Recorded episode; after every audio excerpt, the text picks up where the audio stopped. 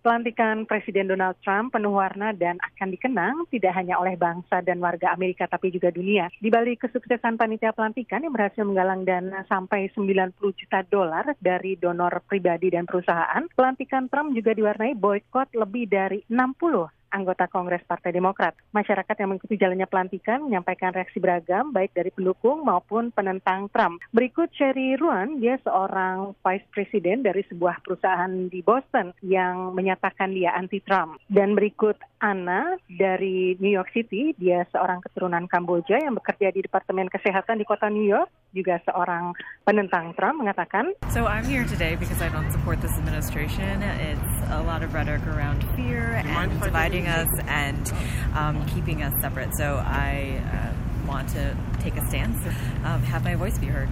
Dan terakhir Marlene, seorang keturunan Haiti, dia seorang perawat terdaftar di Maryland yang menyatakan sebagai pendukung kuat Trump. I'm here because they have hope for America. I'm here to make America great again. I want to be part of this history. Saya Utami Husin melaporkan dari pelataran Gedung Putih.